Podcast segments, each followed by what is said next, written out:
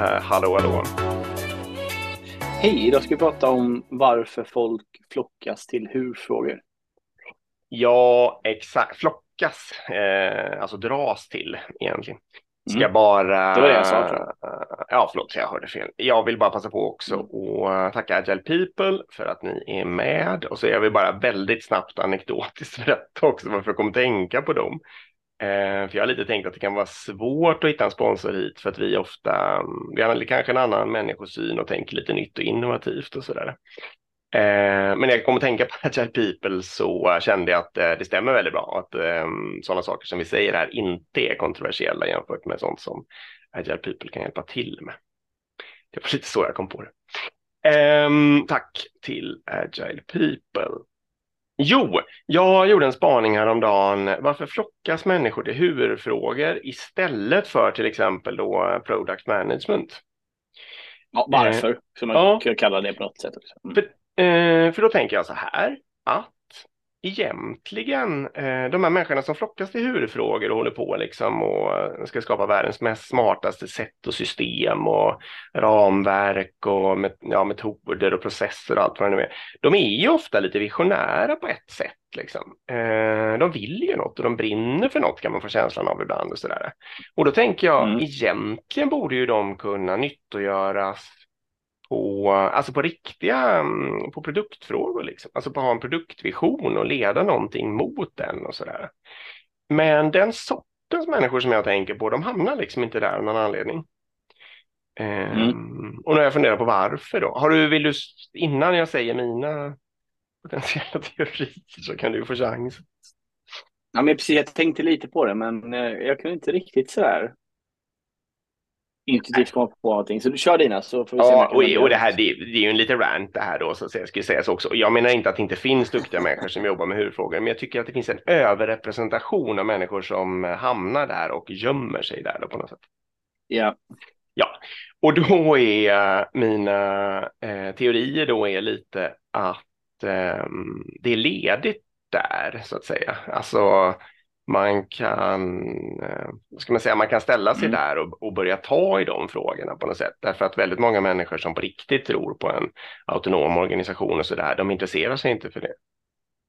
Mm. Eh, nummer två är att det blir liksom inte, man blir inte synad om det går bra.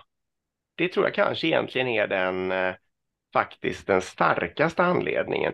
Så där kan man hålla på och vara visionär och krångla och greja och hitta på en massa saker och sådär. Men ingen kommer någonsin riktigt lyckas säga om man har gjort ett jättebra arbete eller inte. För det finns, man eller dåligt då testar kanske. in, exakt.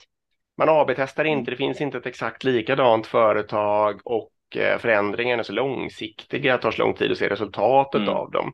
Så att man vet inte riktigt eh, och därför så kan man, om man är tillräckligt övertygande kan man hålla på och härja där ganska länge liksom på något sätt. Mm.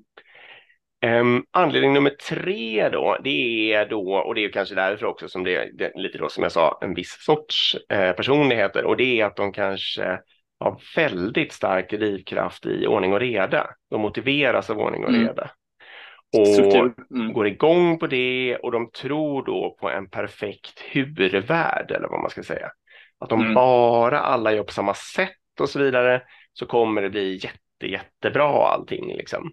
Mm. Ehm, Men i själva verket också kanske det mera stör och eh, strider mot de lokala behoven och sånt där nere i organisationen. Eh, Vad vill du lägga till för något? Nej, men jag håller med. Jag tror den sista är väldigt vanlig. Jag tror många tror liksom att ordning och reda och struktur leder till en bra, bra, ett bra företag och bra produkt för kund. Men så är det ju. Det är inte relaterat. I alla fall inte Nej. alltid. På något sätt? Eller Alltså man kanske inte ska ha flera, man kanske inte ska ha liksom flera 50-hundratals människor som bara sitter och jobbar med hurfrågor och sen aldrig har träffat en kund eller förstår överhuvudtaget hur företaget levererar. Liksom. Det, det är antagligen en dålig idé. Ja, exakt. Och- Nej, men jag tror det, det stämmer säkert det där. Alltså det det, jag tror det är en liten kombination liksom av det här att man kan gömma sig där. Det håller jag ju med om. Det är lättare att gömma sig där och det är också lättare för oberoende av vilket, vad du har för erfarenhet. Alltså, men du kan börja jobba på ett nytt produktbolag där du aldrig har jobbat i den branschen innan. Ja, Alltså du jobbar inom medicin eller du börjar jobba inom Ja. transport eller vad det nu kan vara. Men huvudfrågorna kan du börja med dag tre liksom. ja, på något sätt. Du Ja. behöver inte kunna, alltså, mm. Så det kanske är lite så också att det är så safe bet att gå på. Det är ju lite så att det här är mycket, mycket värre i kunskapsställen tror jag. Om man har en fabrik eh, som mm. ska göra skruvmejslar och så har fabriken inte tillverkat en enda skruvmejsel så att säga.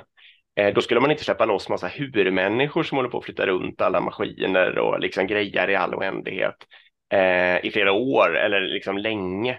Eh, utan då skulle man ju behöva göra något. Liksom. Ja, jag, jag vet, jag håller på att gå över tiden. Eh, tack för idag. Tack till Agile People och tack till alla som lyssnar. Tack så mycket. Hej då.